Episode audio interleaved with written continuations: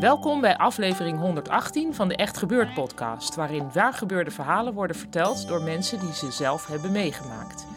In deze podcast een verhaal van Noah Schielen. Het thema van de Echt Gebeurd middag was de ex.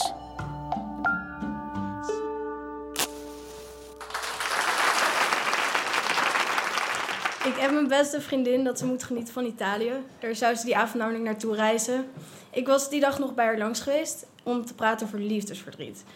Ik was zelf eigenlijk nooit echt verliefd geweest, maar ik irriteerde me heel erg aan alle stelletjes die er waren. En ik had zelf eigenlijk nooit echt liefde gekend. En zij had het, hetzelfde, dus ik kon daar gewoon goed over praten. En we kwamen eigenlijk samen tot de conclusie dat wij zelf meer initiatief moesten nemen. Dus bedachten we een weddenschap. Als jij zoent met een knappe jongen op vakantie en daar een foto van maakt, die foto was ter controle, dan krijg je van mij een euro. En dat geldt voor haar ook. Dus zij gaat die volgende dag op vakantie en ik ga een paar dagen later ook op vakantie. Voor het eerst zonder ouders. Tenminste, dat was voor het idee, want mijn moeder die zat een paar veldjes verderop met haar tentje. Maar dat was een geimpje tussen ons twee en dat hoeft verder niemand te weten. En um, toen ik mijn tent had opgezet, zag ik eigenlijk gelijk een hele knappe jongen lopen. Hij was lang en gespierd en heel erg bruin. Echt alsof hij het hele jaar in de zon had gelegen. En um, hij had een gitaar bij zich. Dus hij moest muzikaal zijn. En ik vind muzikaal heel erg aantrekkelijk.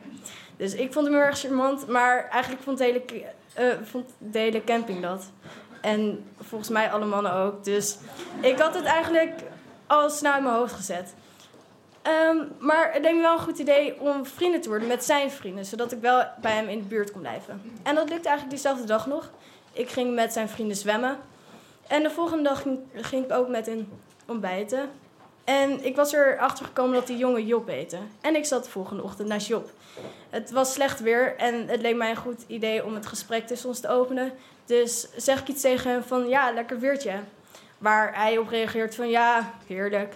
Maar vanaf dat moment waren we eigenlijk wel. Was, was de sfeer tussen ons best wel ontspannen. En ging het gewoon tussen ons best wel goed.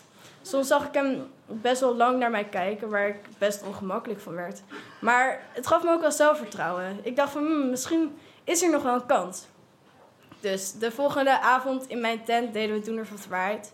En als Job aan de beurt is, vraagt hij aan mij um, Doener van Waarheid, waar ik durf op antwoord. En dan vraagt hij mij, wil je met me zoenen? En op dat moment realiseerde ik me dat het anderhalf jaar geleden was dat ik voor het laatst had gezoend. En eigenlijk ook voor de eerste keer. En dat ik helemaal niet wist hoe zoenen moest. Ik was het al lang weer vergeten. Maar ik wilde niet afgaan bij hem en ook niet bij zijn vrienden. Dus zei ik tegen hem ja, maar op een goed moment. En dat goede moment kon voor hem niet snel genoeg komen. Want dezelfde avond nog op mijn eenpersoons luchtbedje zoenen we. En het was een fijne zoen. Het was een gevoelige zoen. En volgens mij ook van zijn kant, met fijne aanrakingen. En het was eigenlijk zo fijn dat ik die weddenschappen bijna vergeten was. Tot de volgende ochtend, want toen appte Robin mij een foto van een jongen met haar zoenend. En toen leek me toch een goed idee om die foto wel te maken. Dus toen hebben, heb ik tijdens dat we aan het zoenen waren, ik met Job, een foto gemaakt zonder dat hij het wist, want hij had zijn ogen dicht. En dat deed ik zo met mijn telefoon. Dat weet hij nog steeds niet. Maar hij heeft me wel geholpen om geen euro te hoeven te betalen. Want we stonden toen gelijk. Die laatste avond zie ik Job nog één keertje. In de doucheruimte. En ik vertel hem dat ik hem ga missen.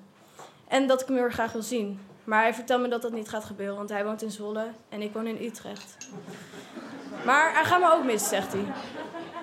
De volgende dag zit ik in de auto en voel ik me leeg en verdrietig. Toen wist ik, zo voelt verliefd.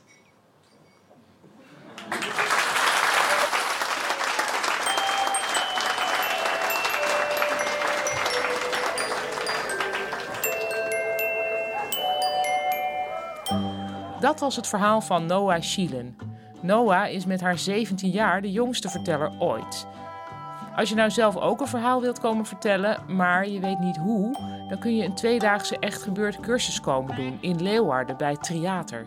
Zie voor meer informatie onze website en dat is www.echtgebeurd.net. De redactie van Echt Gebeurd bestaat uit Micha Wertheim, Eva Maria Staal, Rosa van Toledo en mijzelf, Paulien Cornelissen. Rosa van Toledo doet ook de productie en de techniek is in handen van Nicolaas Vrijman. Dat was het weer. Als je dit een leuke podcast vindt, laat dat dan weten op Facebook, op Twitter en in de iTunes winkel. Want hoe meer mensen van ons weten, hoe meer goede verhalen er boven komen drijven. Tot de volgende podcast en bedenk, een zoen bestaat pas als je er een foto van hebt gemaakt. En die foto bestaat pas als je erover hebt verteld.